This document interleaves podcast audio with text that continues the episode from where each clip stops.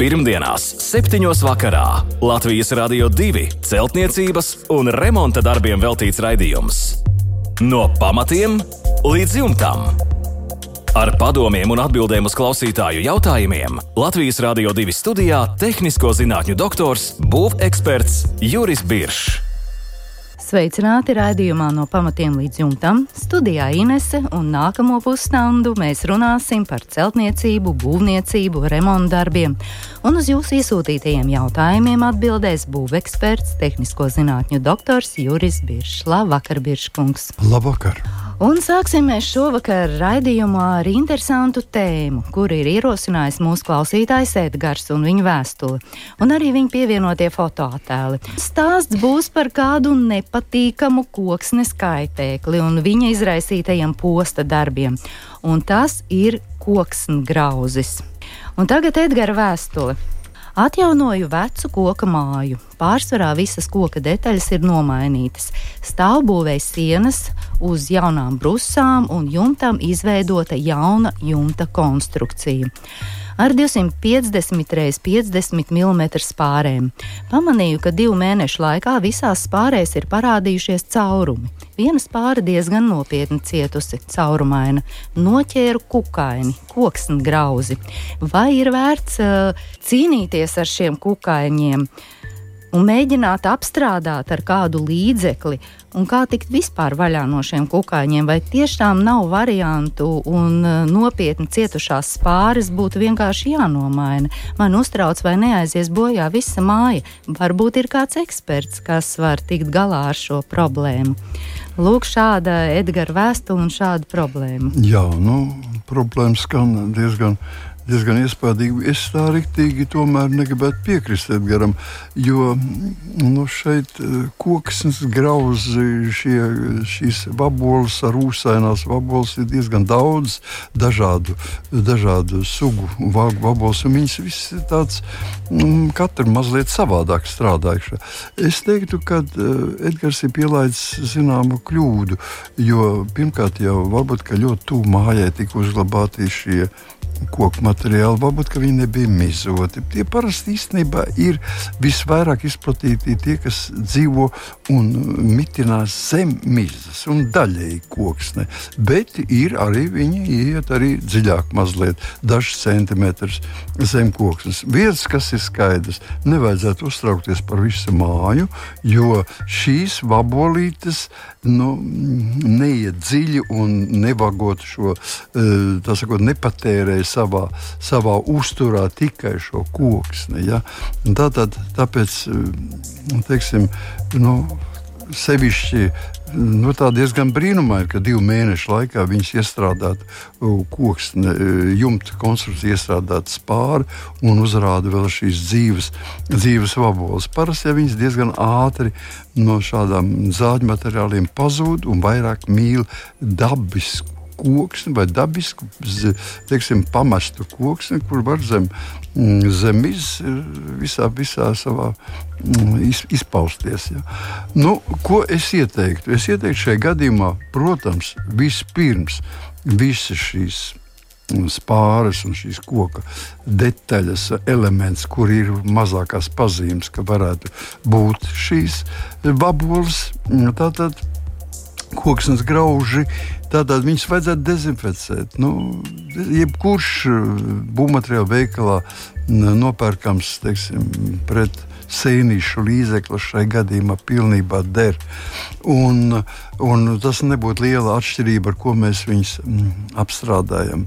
Bet uh, tālāk, ko vajadzētu darīt, vajadzētu nopirkt uh, šķirci un ievelkot šo Indiju eh, šo antiseptisko līdzekli vai līdzekli, kas ir domāts tieši kukaiņiem, mēs viņu mēģinām iešķirtināt tajos caurumos, jo šie caurumi ir lieli caurumi. Tas ir kaut kur jau apmēram gandrīz vai nu, teiksim, puscentimetru. Jā, jo es skatos, tas kukainīts arī ir 4,5 mm liels. Nu, tātad... Viņš ir lielāks, viņš ir vēl lielāks. lielāks. Ir, kad ja viņš ir ārā, nu, tad ja viņš vairāk tur nerāpu pa, tām, pa tiem caurumiem, tur iet kāpuri. Ja, Ā, tie kāpuri viņš, ir tik lieli, jā, acīm redzot, kukainis ir vēl lielāks. Un, un, un, teiksim, protams, ka viņi nodara uh, kaitējumu, nodara pat to nav mazākā šauba. Un var mēģināt šādā veidā cīnīties. Tas, ka mēs netiekam tik vienkārši galā ar šo problēmu, ļoti vienkārši. Mēs nevaram māju ievietot kaut kādā slēptā telpā. Ja tas būtu kāda mēbele vai tas būtu atsevišķs priekšmets, mēs viņu varētu ievietot autoklavā, tātad noslēgtā telpā, kurā mēs varētu palaist indējošo gāzi un, un tikt vaļā, dezinficēt viņu. Nu, māju mēs tā visu nevaram ievietot. Līdz ar to mēs pat netiekam viņai visām vietām klāt. Līdz ar to mums ir mazliet grūtāk ar šīm, šīm lietām. Un galvenais, kas ir jāuzmanās visiem cilvēkiem, kas, kas mēģina tomēr izmantot teiks, īpaši, kas iegādājas vecus īpašumus vai arī jaunus pašstājas. Tātad pielietojam koku materiālus, kuros nav ne mazākās pazīmes par šiem nu, teiksim, insektu veidotiem bojājumiem. Pirmkārt, jau bojājumi tie ir redzami, tie ir vizuāli redzami. Gan ķīmija caurumiņi ir vizuāli redzami, gan koksnes graužu caurumi, kad mēs no, no, nomizojam koksni, tad koksnē parādās viss šis, šis uh, eju labirints parādās jau zem mizas, kas ir tie ir tipiskie mizgrauži vai koksnes grauži. Un, un, un tad mums vienkārši no šādiem koksnes koks materiāli ir jāatsakās. Jo mēs nevaram galvot par to, ka, ka nav kāds kāpurs palicis iekšā. Ja tas kāpurs ir palicis iekšā, viņš turpina graust. Bet tikai tikmēr, kamēr viņš tiek pie mm, par, kļūst par kukaini. Kad viņš kļūst par kukaini, viņš jau meklēs dabu, gaisu vai sauli. Jā, un izrādās Latvijā visbiežāk sastopamie un vislabāk zināmie nedzīvas koksnes kaitēkļi ir tieši ķirmis un ēku ūsēnais, jeb koksnes grauzes. Jā. Un cilvēki iesaka arī, nu, bija dažas padomas, skatījos, ka Sals, sals var līdzēt šajā situācijā, teiksim, nu, tā mē, mēbele. Tā ir. Jā, nu, nē, tad nu, varbūt vēl var. Nu, var mēģināt, bet tas nav nekad droši. Mm -hmm. Īpaši tas nav absolūti gan droši pret kuģirmiem. Esmu bijis uh, vecās mājās, kurās ir, teiksim, bēniņos ir atstāti uz vaļā ar logiem, ar veidināšanu ziemām, un jau aizgājuši trīs, četras ziemas, un viņš var turpināt. Nekā, nelīdz. Nekā. Pēc tam var pazust. Jo teiksim, šie, šie mm, gan ķirmi veidīgie, gan dažādi mizgrauži un koksnes grauži, viņi spēj teiksim, dažādā kūniņa stāvoklī, vai kāpuļu stāvoklī, vai pat kukaiņa stāvoklī, spēj nu, sevi iekonservēt. Tādā tā kā lāča miegā jā, mazliet. Tieši, tieši tā, un pamostās, nu, pamostās tikai tad, kad uh, rodas apkārt, apkārtējai vidē pietiekoši augsts temperatūra. Jā, labvēlīgi apstākļi un turpina savus posta jā. darbus. Bet Biržkungs ar vien lielāku vērību arī Latvijā pelna importētie koku materiāli. Nu, ir arī Jā. ievazāti, ir arī mm. parkets no Portugāles, pieņemsim, kur var būt šie mums, mūsu vidē pat svešādie kukaiņi. Nu, es pat negribētu par to domāt. Cerēsim, ka tas tā nebūs. Mēs esam ievadā, ievazājuši jau, šo, jau šodien. Mēs esam ievazājuši gan dažādus rāpuļus, gan dažādus skudru veidus. Tās pašas faraona skudras nekad jau Latvijā nav bijis.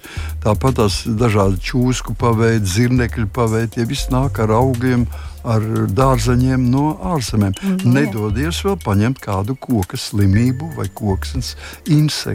Ja? Nu, tāpēc nu, šeit ļoti liela cerība uz, nu, teiksim, uz dezinfekcijas līdzekļiem, uz inspekcijām. Jā, uz godprātīgiem tirgotājiem. Tieši tā. Jā, paldies, Biržkungs, par atbildi Edgaram. Marekam ir jautājums par laminātu. Dzīvoklī nu pat kā ieklāts vienu centimetru biezs lamināts ar 4V gropēm, 33. klase. Zem lamināta ir korķa klājums. Vai laminātu ir nepieciešams vaskot, jautā Mareks. Ja tas ir nepieciešams, tad ar ko būtu to labāk darīt un kā? Jā, nu, jautājums ir vietā, kaut gan es teiktu, ka Marks ir nedaudz palaidis garām. Ja jau pērk 33. klases uh, laminātu, izturīgu, labu un biezu laminātu, tad uz šiem iepakojumiem jau ir informācija, ar ko apstrādāt virsmu. Nu, es teiktu, ka katram laminātam gandrīz vai jo lamināts jau nav koks. Ja? Tur no koksnes ir ļoti maz, kas ir. Tur vairāk ir fototēls, tur no nu, koksnes jo, tur ir. ir Tur ir tiešām tikai tā bilde no koksnes. Tur ir vairāk plastikāta, metāla daļiņu ja? un, un, un celulozes, bet, bet teiksim, koks kā tāds tur tikpat kā gan arī nav. Tāpēc arī virsmas apstrāde, lai viņi neslīdētu, lai viņi spīdētu, atkarībā no tā, ko mēs gribam iegūt. Tāpēc teiksim, apstrāde varētu būt. Tātad, ja, ja tas iepakojums ir pazudis, ja tas sakot, nav vairāk sadabūjums, tad vienkārši jāgriežas būvmateriāla veikalā un jāpaprasa, lai iedod. Tāpēc ka katriem mm, laminātiem, īpaši labiem, labiem laminātiem, nāk līdzi instrukcija, kā kopt. Mm -hmm. Jā, nu vienkārši jāpapēta šie lamināti iepakojumi. Jā. Tur, tur ir jābūt visai informācijai. Paldies par atbildi Marekam. Pičs plāno ar laiku pagrabā ierīkot dušas kabīni. Šim nolūkam ir noskatīts 80 vai 100 litru elektriskais ūdens sildītājs. To plānojam piestiprināt pie pagraba starpsienas, un jautājums ir šāds, vai to drīkst darīt, ja starpstiena mūrēta 60. gados no sarkanajiem ķieģeļiem, un tās biezums ir 13 cm. Vai tā turēs ūdens sildītājas svaru 100 litri? Nu, svars ir Svars ir pamatīgs. Jā. Jā. Nu, es domāju, ka eh, ne, ne, ne, sakot, neriskēsim, ja šajā gadījumā pusķieģeļa sieniņa, starp sieniņa nav zināms, kā viņi ir vēl mūrēta, ja? vai varbūt viņi vienkārši no ārpuses ir labi sakot, apmesta, bet mūrēšanai veicis nu, tāds mūrētāja palīgs, ja teiksim, nu, diezgan pavirši pamūrāts. Tāpēc te, teiksim, varētu rasties vismaz, ja ne, ja ne teiksim, kaut kādas nu, sienas apgāšanas nedodies, tad var, var veidoties plaisas. Sienā var veidoties plaisas, un tad jau būs, tomēr būs par vēlu. Jau. Tāpēc katrā gadījumā es do, iesaku šeit vai nu ar koka konstrukcijām, vai ar metāla konstrukcijām pastiprināt. Jo, ja ir iespējams piekļūt šai starpsieniņā no otras puses, tad mēs varam otrā pusē veidot īpaši, ja to atļauj, teiksim, tas dizains vai iekšā mēs varam veidot savu koka konstrukciju, kura aptvers lielāku teiksim, to, ne tikai to laukumu, kur aizņem stiprinājuma elementi, bet lielāku, plašāku, ar, teiksim, ar, ar dēļu palīdzību varam veidot. Un tad cauri šai sienai mēs stiprinām pie šī režģoga. Tāda, ja? Un tad mēs samazinām šo slodzi un katrā gadījumā. Nu, katrā gadījumā mums neveidojas tādas iespējas, ka, ka varētu plīst vai pat rasties apgāšanās. Jā, tā tad, tā tad jāveido, tomēr būtu Jā. vēlams veidot papildus stiprinājumu Jebkurā šajā gadījumā. gadījumā. Ja būtu ķieģeļa siena, tad mēs droši varētu to darīt. Arī ne visai droši būtu jāskatās līdzi, bet pusķieģeļa sienu. Nu, Sevišķi, ja tā ir starpsiena, kas agrāk nav paredzēta kaut kādām milzīgām slodzēm, nu tad uh, tur noteikti ir jādomā pastiprinājums. Jā, paldies par atbildi Pičam. Pirmdienās, 7. vakarā Latvijas Rādio 2 celtniecības un remonta darbiem veltīts raidījums. No pamatiem līdz jumtam. Ar padomiem un atbildēm uz klausītāju jautājumiem Latvijas Rādio 2 studijā - tehnisko zinātņu doktors, būveksperts Juris Biršs. Un turpināsim ar Gunāra atsūtīto vēstuli un jautājumiem. Vai pusotra stāva mājas jumta pārkare ir jāsiltina? Sīju nesiltinātā daļa pēc jumta konstrukcijas veido pārkari otrā stāva grīdas līmenī, un ir tāda sajūta, ka pa to otrā stāva grīdā ieplūst augsts gaiss un nāk iekšā augstums. Nu, kā jūs komentējat, Biržkungs? Nu, godīgi sakot, tā ir nu, ne mazliet nepareizi būvēta ēka, jo sijas tas ir, mēs horizontāls elements, kurš savieno teiksim, starp divām sienām, un kur pēc tam tiks izmantots kā pārseguma mm, elements. Ja? Tātad viņam jāpaliek sienā, tas pieder pie sienas. Tātad, ja viņš iet ārpus sienas, Nu, tas tā nav pieņemts Latvijā. Tā nav pieņemts. Tā var veidot dienvidos, kur nav, tie, nav tik milzīgs. Tas atkal nozīmē, ka savā ziņā mēs atkal kaut ko kopējam no, no, no, no siltākām geogrāfiskām vietām. Tāpēc, ja tā ir izveidojies un sija iet ārpus ēkas, un uz viņas vēl balstās varbūt tas arī spāri. Tiešām tā arī var, tādas konstrukcijas ir redzētas. Tad tas ir sava veida augstuma tilts. Par to nemazāko šaubu nav. Jo parasti mēs vēl ko, ko bieži mēs redzam, mēs redzam, ka sienā ir atstāti caurumi, kura, kurā no tālienes redzams, ka tur iekšpusē ir beidzās sija. Ja? Atstāt tukšas vietas. Tas arī nepareizi.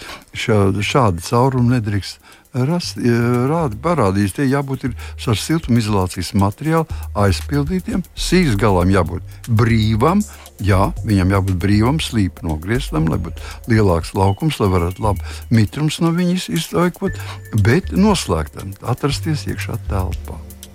Ja šāds gadījums ir, tad mums ir jāpastiprina bēniņos šīs sijas, kuri, kas ir tieši nu, teiksim, visa tā daļa, kur cik mēs tiekam klāt pie sijas, viņa ir jāpastiprina, siltināt. To, ka mēs siltināsim ārpusē, mm, teiksim, jumta kastē, mēs mēģināsim kaut ko siltināt, nu, tas, ir, tas, tas nav pieņemami. Tas, tas kavēs ventilācijas procesu. Ja? Tātad šīs, protams, ka pirmkārt ir jāizvairās no sijām, kas iet ārpus ēkas, bet, ja tāds veidojas šāds sīs, nu, ja viņas atsevišķi iet kā neapšūtas, tad ap viņām varētu veidot nu, teiksim, nu, no trijām pusēm, bet ne no četrām. No trijām pusēm, teiksim, akmens vatas mm, siltinājumu varētu veidot nu, lai viņš elpotu. Ja mēs apvienosim no visām četrām, teiksim, vēl ar putu materiālu, tad mēs vienkārši nopūdēsim tos galus. Jā, tā ir tāda Latvijas apstākļiem neparedzēta situācija. Ar to ir jāsamierinās. Un visas tā sijas daļas, kas atrodas telpā, iekšā, tātad no sienas, ārsienas uz iekšā, tās ir maksimāli jāsiltina. Ja šajā gadījumā ir kaut kāds metāls, teiksim, metāla sija vai metāla stienes, tad tas ir ārkārtīgi nepareizs. Ja? Tas nozīmē, ka tas būs tipisks mm, kondensāta veidotais iekšā konstrukcijā. Koku gadījumā kondensāts neveidosies, bet augstums būs jūtams. No. Apmēram metru, nu, varbūt tas ne metru, bet apmēram pusmetru no iekšsienas uz iekšpusi mēs jutīsim sijas, koksīs iedarbību. Nu jā, tā, tā arī šajā gadījumā ir, jo Gunārs raksta, ka tiešām jūtams ir šis augstums. Varbūt nu, tur ir nepieciešama kāda būveksperta klātienes konsultācija, nu, lai izprastu šo situāciju. Tur, tur neko vairāk nepateiks. Būveksperts tāpat pateiks, ka jāsiltina. Tas nozīmē, ka šajā vietā, ja te viņai var tikt klāt paceļot grīdu, tad lūdzu mēs to, to siju, kas ienāk iekšā pusmetru uz dziļa telpas pusi, mēs viņu pastiprināti siltumizolējam izolējam. Jā, tāds pamatīgs kļūdas labojums. Jā, iznāk. tieši tā.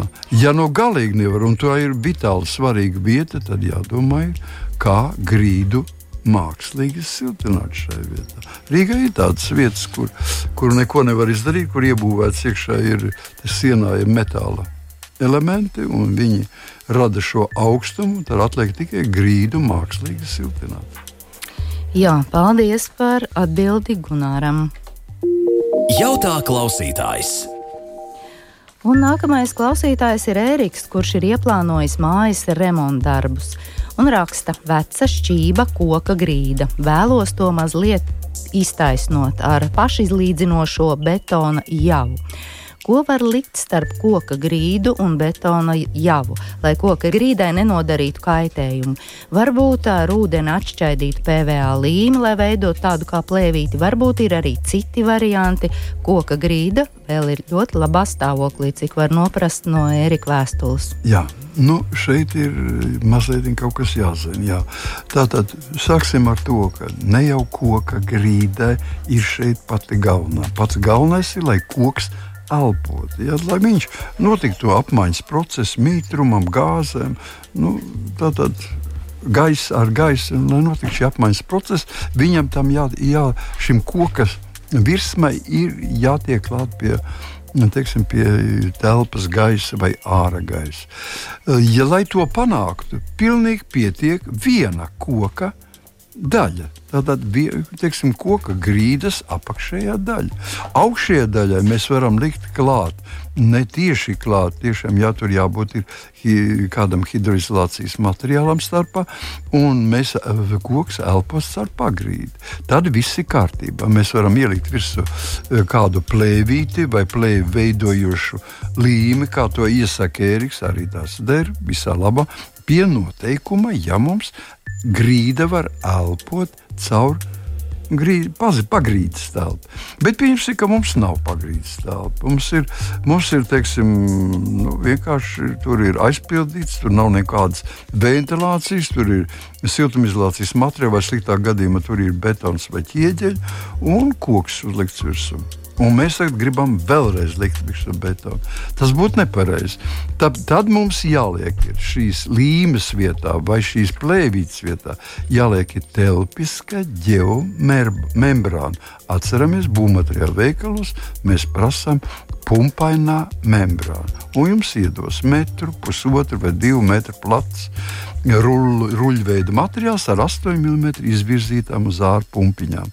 Ar šādām pumpiņām pret koku mēs uzklājam šo materiālu. Viņš būs tur nelīdzens, ja viņš būs nelīdzens, un tad mēs viņu teiksim, ar, ar dībeļiem, ar skrūvītēm pieskrūvējam, šur tur, lai viņš turētos, un beidzam šo pašizlīdzinošo betonu sastāvu izlīdzināšanu, beidzam izlīdzināšanas darbus. Tad uh, viss tas uh, elpojošais slānis būs starp telpisko geomembrānu un starp koka grīdu. Un mums nevajadzēs, teiksim, nu, grīdai būt pagrīdai. Ja mums ir grīdai pagrīde, mēs varam šādu, šādu konstrukciju neveidot. Mēs liek, veidojam uz koka hidroizolācijas slānīt, vienalga tā ir pape, polietilēna plēve, PVA līmes plēve vai būvmateriāla veikalos nopērkamais super vai supers plus cementa pārklājums pār grīda elpos caur pagrīdi. Mhm. Jā, paldies par atbildi Ērikam. Un vēl viens jautājums. Mašīnas nojuma ar metāla jumtu vai jumta klājumam vajadzīga pretvēja plēve? Edgars jautā. Nu, jumta klājumā kā nojumēja vienkārši, kā, jo tā nav telpa noslēgtā, tā ir nojume. Tātad praktiski nekādu mm, plēve nebūtu vajadzīga. Bet ir viens pieņēmums. Var veidoties, un viņš arī veidosies. Atsevišķos gadījumos veidosies mums kondensāts, kas uz metāla otrās puses sevišķi bagātīgi veidojas, un viņš var pilēt. Ja jums neuztrauc tas, ka eh, kādreiz nopila un kādreiz diezgan bagātīgi var nopilēt, kādreiz mazāk uz mašīnas, ka nopirkt šis kondensāts, tad jums plēvi nevajag. Ja jums tas uztrauc, tad veidojam šo pretvēju plēvi. Tas mums bija viena plēve. Ja ir divi slīpu nojumi, tad iet gar, gar, gar um, abām slīpnēm uz augšu plēve un pie, pie kuras viņas iziet. Tātad šis Mm, atveri pie kūras, pie dzegām nāk iekšā gaisa un pie, pie kūras iziet. Ja ir viena slīpa, tad mums ir tikai viena, vienā virzienā. Mm -hmm. Jā, paldies par atbildi. Līdz ar to šovakar mūsu raidījums tuvojas izskaņai. Mūsu e-pasta adrese remonds at lr2.lv. Sūtiet savus jautājumus, jautājiet Birškungam, un jau pēc nedēļas vai divām tuvākajā laikā saņemsiet noteikti atbildi. Jautājums varat iesūtīt arī izmantojot mūsu Latvijas Radio 2 mājaslapu un klausieties raidījumus arī Latvijas radio arhīvā un noteikti izmantojiet savus iecienītākās podkāstu platformas. Bet šovakar gan lai jums mierīgs vakars tiekamies pēc nedēļas. Visu labu! Pirmdienās, 7. vakarā Latvijas Rādio 2 celtniecības un remonta darbiem veltīts raidījums. No pamatiem līdz jumtam. Ar padomiem un atbildēm uz klausītāju jautājumiem Latvijas Rādio 2 studijā - tehnisko zinātņu doktors, būveksperts Juris Biršs.